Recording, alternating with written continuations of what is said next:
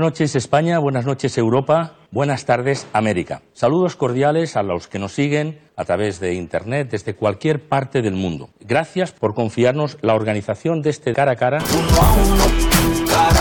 Saludos a todos. Queríamos ponerle un nombre y un apellido a todo lo que está sucediendo en los últimos meses en torno a las protestas de los jubilados por sus pensiones. El nombre y apellido que le vamos a poner para ejemplificar esta situación es el de Alejandro Rueter. Me decía él, mm, no te digo el segundo porque con este no, no, no va a haber confusiones. Lo primero, bienvenido y gracias por aceptar nuestra invitación, Alejandro. Gracias a vosotros por invitarme, no por mí, sino por el movimiento que en estos momentos nos sobrepasa organizativamente, pero es que estamos encantados la de la respuesta del público de todas las edades. Eh, aclaremos que usa un galego de la quinta provincia, falo con este sotaque, Acento. con este sotaque argentino.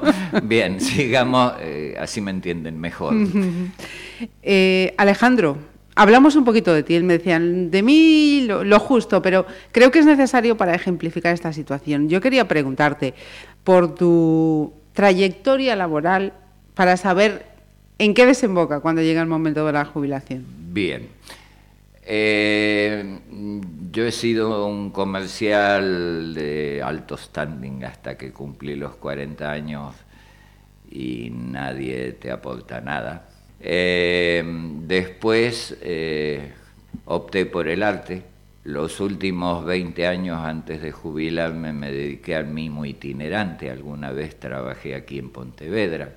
Y cuando llegas a la edad que empiezas a pensar en la jubilación, que se viene, me tocaba en el 13, tengo muy poco cotizado, y cuando estiraron las cotizaciones de los 15 a los 25, asumí que yo no iba a trabajar hasta los 80 buscando un sitio, y asumí la no contributiva.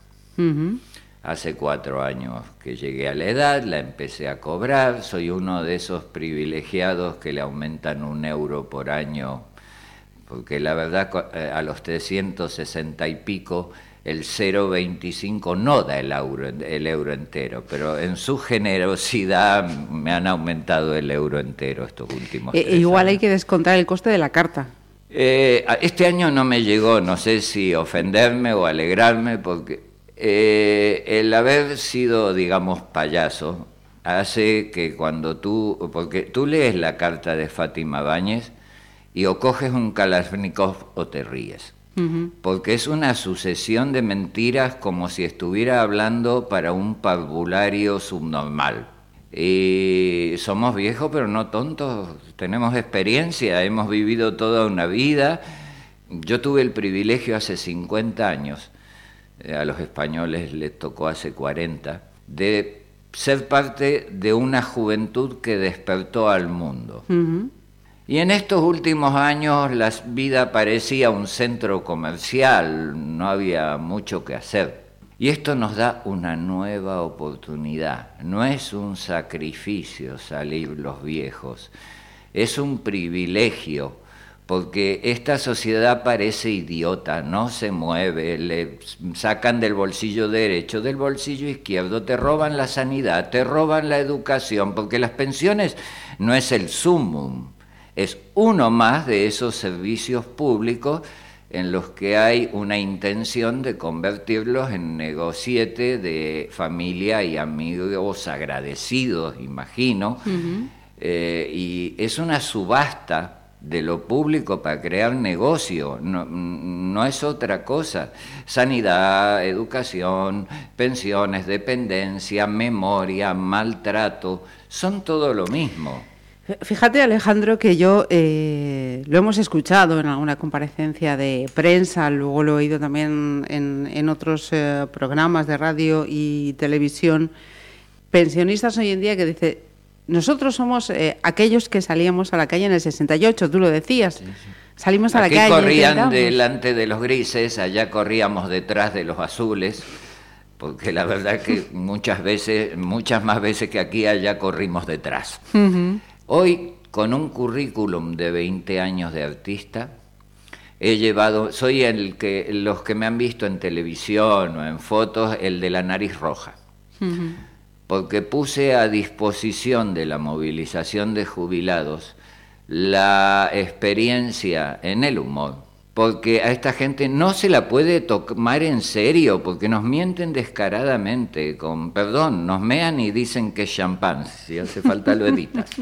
Eh, y entonces nosotros no, no puedes contestar a una tontería con seriedad.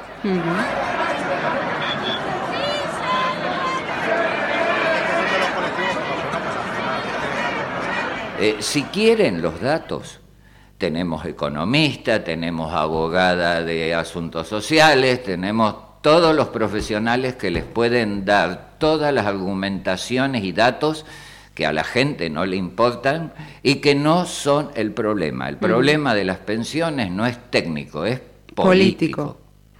Y ahí llegamos a la cuestión fundamental.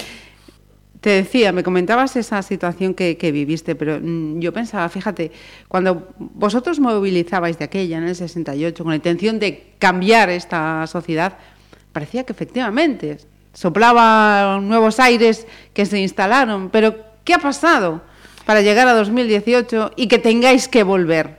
La traición históricamente ha modificado. La historia es cainita, sí, Yo, por ejemplo, hace 50 años era revolucionario, después me quité la R, es una cuestión personal, porque eh, asumí que la historia de las revoluciones eh, siempre las hizo el pueblo y se las llevó otro. Y entonces estoy empecinado en buscar una forma distinta de modificar la sociedad, que al quitarle la R es evolucionario, hay que evolucionar. Que venimos eh, en un proceso de suicidio colectivo es innegable, pero no agregando más suicidio vamos a arreglar el tema. Eh, sí,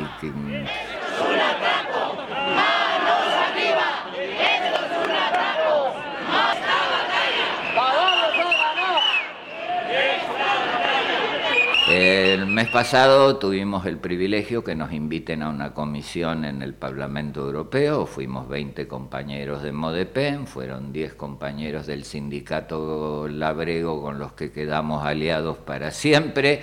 Había una delegación de jubilados griegos.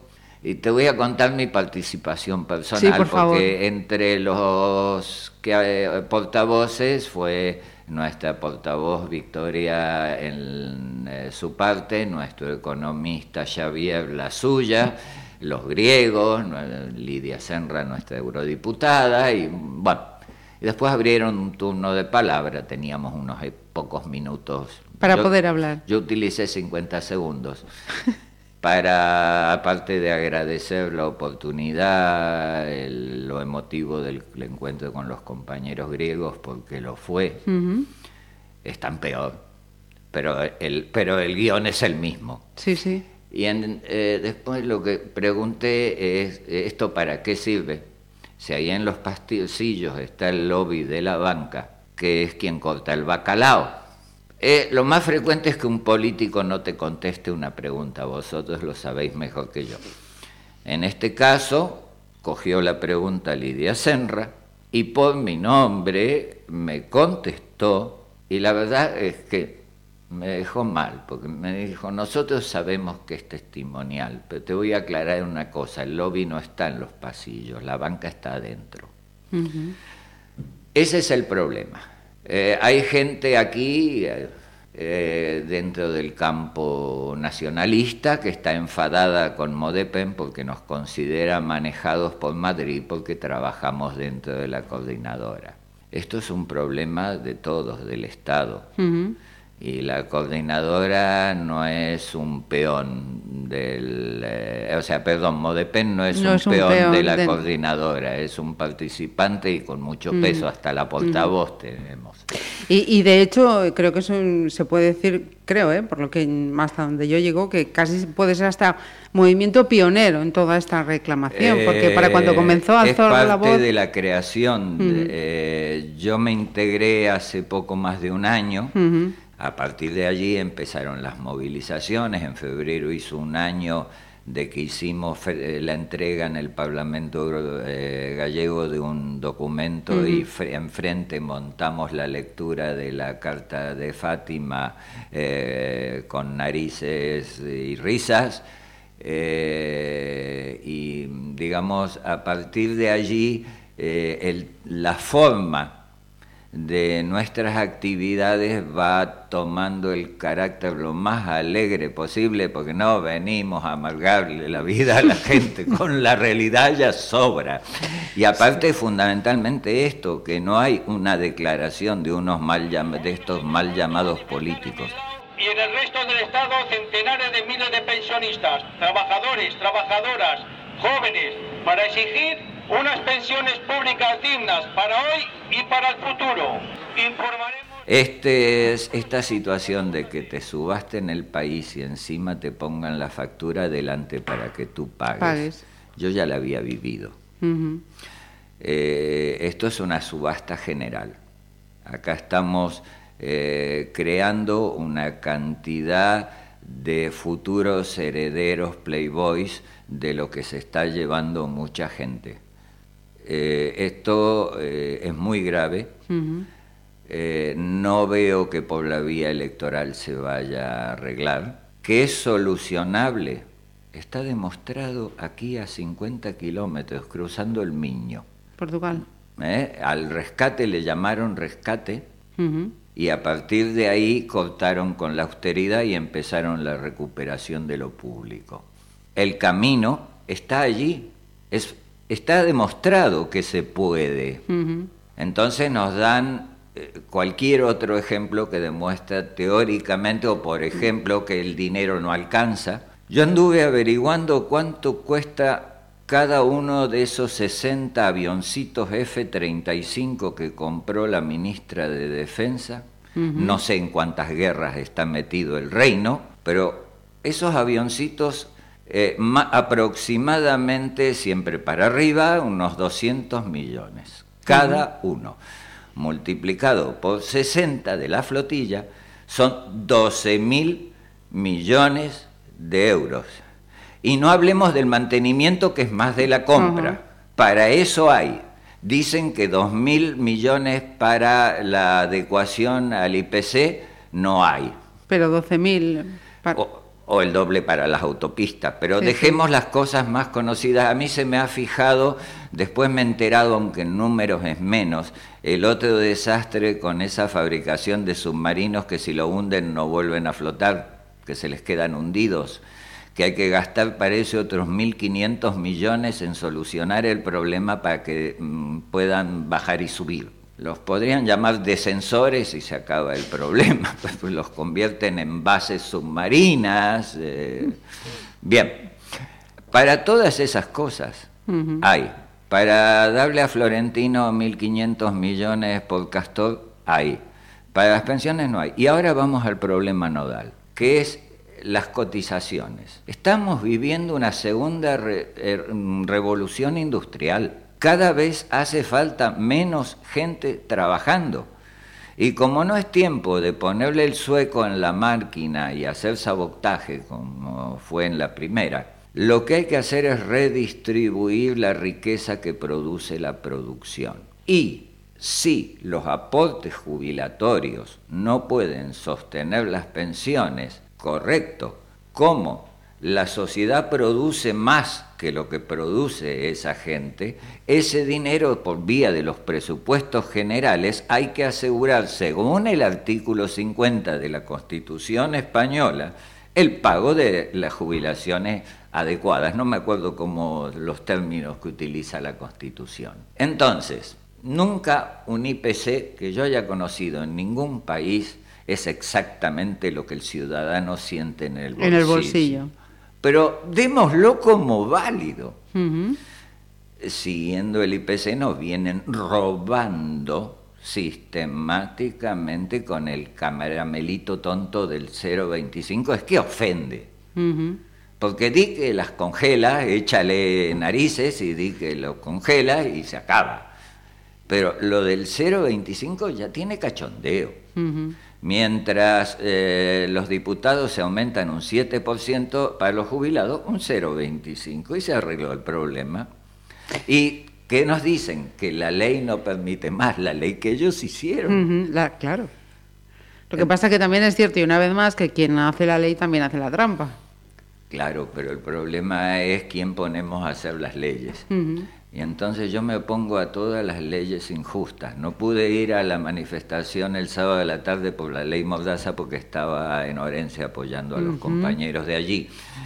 Pero es que es todo lo mismo, nos tienen que tener callados. Y los viejos cuando nos ponemos somos muy pesados. Y lo más divertido es que están viniendo todas las generaciones detrás. Eh, ya en las manifestaciones no es exclusivamente viejos, se empiezan a notar los jóvenes y más jóvenes, porque la gente se está dando cuenta que el problema de las pensiones no es solo de los pensionistas, no, de, los que menos es es de los pensionistas. Pues nosotros ya la tenemos, el problema es vuestro. Totalmente cierto, sí, sí. Eh, eh, a los que están robando íntegra, a nosotros nos la van robando a modisquitos. A los que le están queriendo robar la pensión íntegra es a vosotros, a las generaciones próximas. Con el cuento chino, con perdón de los chinos, de que eh, no hay suficiente, que la pirámide demográfica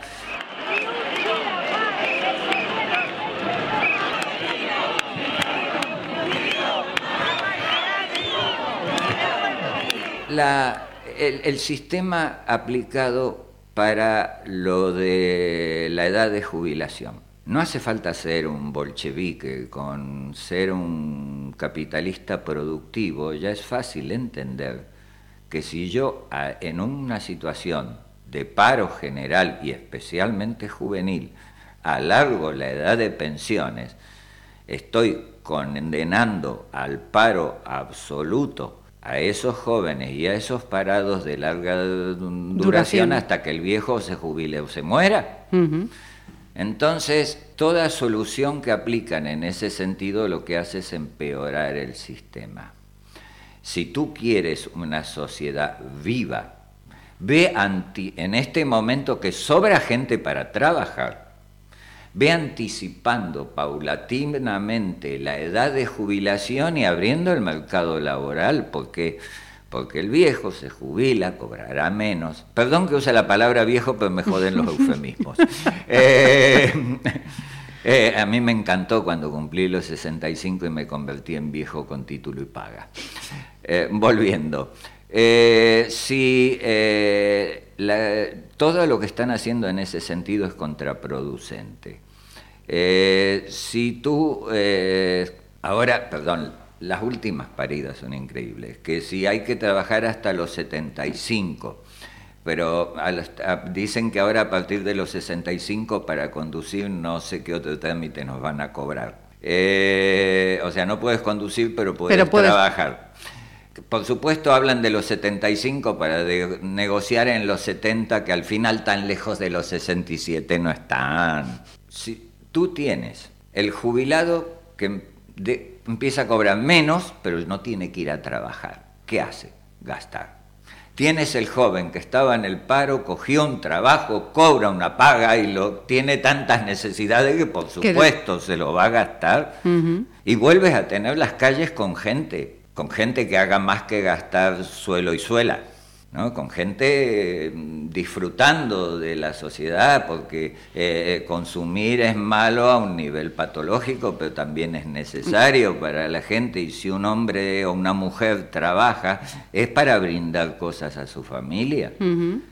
Y entonces aquí el problema no es de los pensionistas, es de todos del que se va a jubilar algún día si llega vivo y, hay jubilaciones porque las conseguimos mantener, y eh, del que está trabajando y tiene que saber que tiene que tener una perspectiva. Están robándole el futuro a los trabajadores, que es mucho más grave que robarnos el pasado a nosotros, que no pueden.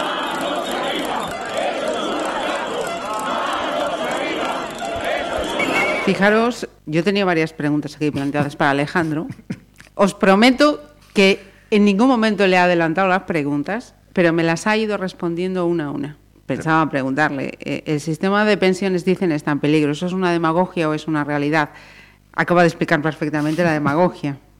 ¿Quiénes son los responsables? Los ha citado, los Eh, políticos y la banca. Los Justa- bueno, eh, ha hablado de si se sienten utilizados, lo acaba de, lo ha respondido también.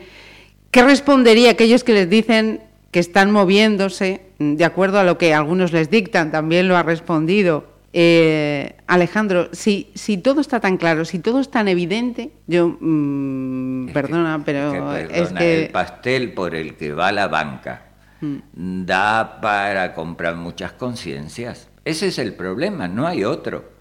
Eh, El gobierno no gobierna, el gobierno hace lo que la banca manda. Entonces, mientras tengamos gobiernos man- mandados por la banca, sean azules, naranjas, rojitos o el color que salga, eh, aquí no hay solución. Acá tienen que man- tiene que gobernar la gente electa. Y entonces, bueno.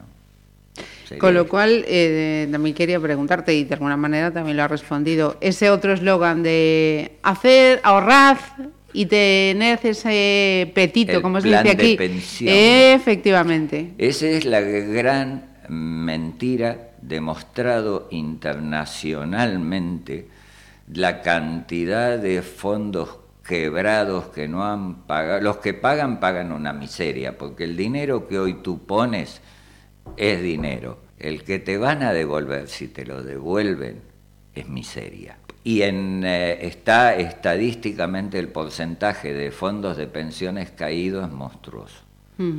Entonces, ¿qué están proponiendo? Un nuevo robo. Cuando decía el presidente del Banco Central, no, ¿cómo es que se? Banco de España, eh, decía que eh, podían los jubilados no haber invertido todo en, no invertir todo en inmueble eh, e invertir en valores financieros, no recuerdo el término. Yo a este señor me hubiera gustado hacerle una pregunta.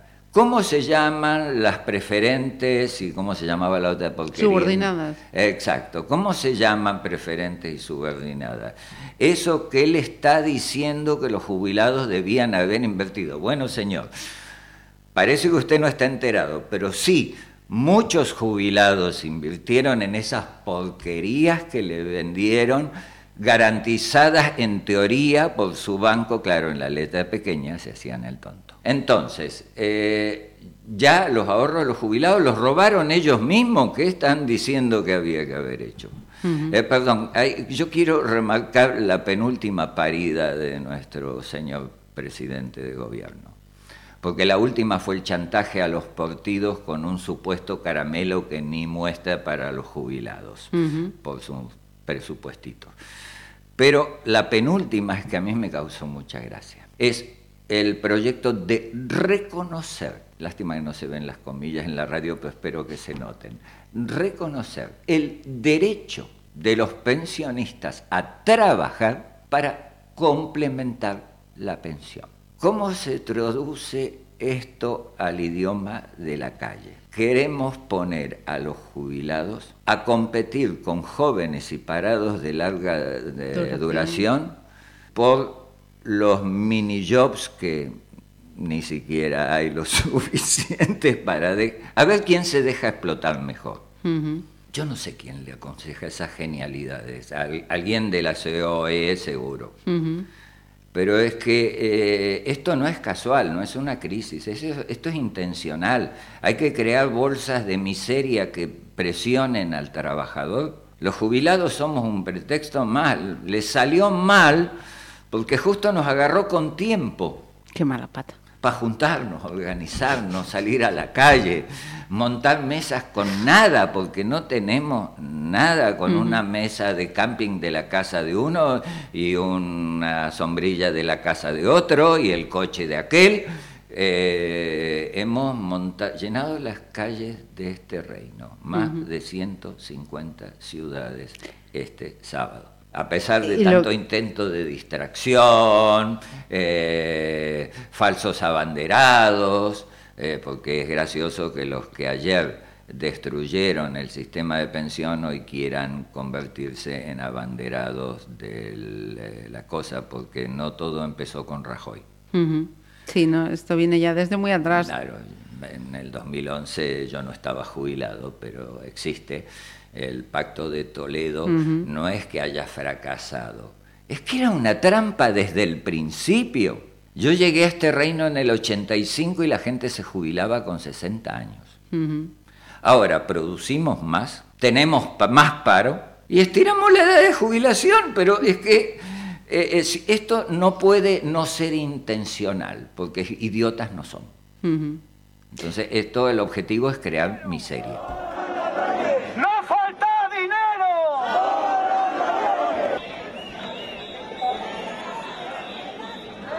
De las instituciones. ¿Te puedo preguntar cuánto, cuánto te ha quedado a ti después? Eh, me, eh, a ver, 369,90. Eh, quiero aclarar que soy un privilegiado. Tengo un amigo, hoy compañero en Modepen, que decidió que una casa de esas que hay cientos de miles en este reino de herencia, yo fuese a vivir con mi hijo y mis perros.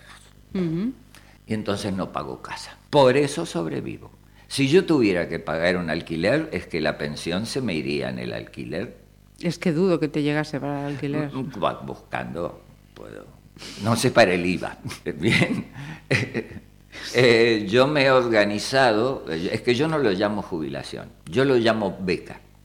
Una beca. Sí, es mi beca para dedicarme a la actividad social.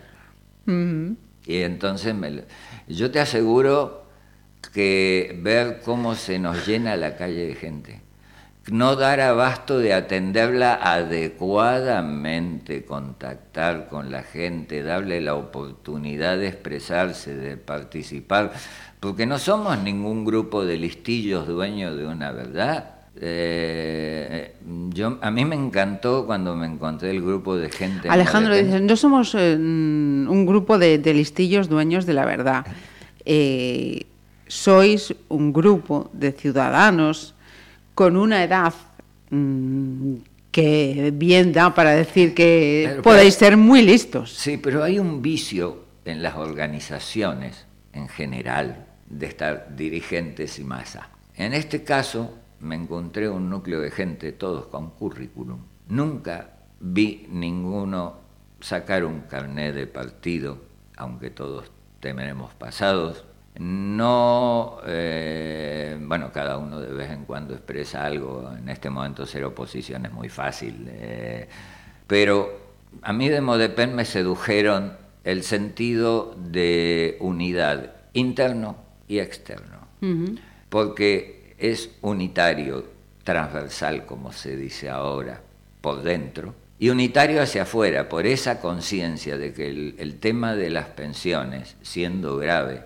es uno más de, toda, de todo un paquete de temas que son los servicios públicos y si vas más allá es lo público. Eso es lo que se está cuestionando en este momento. No si el 0,25 o el 0,27, o que nos den un caramelo del uno y medio. ¿Y hasta, hasta dónde pensáis llegar? Hasta donde nos dé la cuerda cada uno. Eh, moviendo la sociedad para que vaya mejor. No hay otro camino de donde nos han llevado que ir mejorando. Hoy estamos de protesta y es correcto, pero también tenemos que ir preparando propuestas de cómo en positivo organizar la sociedad para que el individuo sea feliz. Los viejos somos un capital para brindarnos en positivo a la sociedad. Ahora estamos de jornada de reposo y reflexión. Tras el intenso fin de semana. Durísimo. Eh, delicioso, pero muy duro. Entonces, eh, esto ha sido muy grande. Hay que reflexionar um, hoy con uno mismo y en estos próximos días reflexionaremos en común eh, los resultados y próximos pasos porque esto, eh, a lo bestia, pero es un comienzo. Es, que somos reservistas porque ya hicimos cada uno sus guerras. Sí, sí. Y lo más gracioso es que está viniendo primero la familia y los inquietos, pero viene toda la sociedad detrás. Sí, sí. Y los viejos no es todo, hay más. Pero con las pensiones lo tienen crudo. ¿Somos becarios? Becarios sociales. Cuidadito. Alejandro, un placer, muchas gracias. Que vuestra lucha, no, como dices tú, no, no, es la vuestra, es la nuestra. Cara, nos volvemos a ver. Cara a cara. Pontevedra Viva Radio. Oh.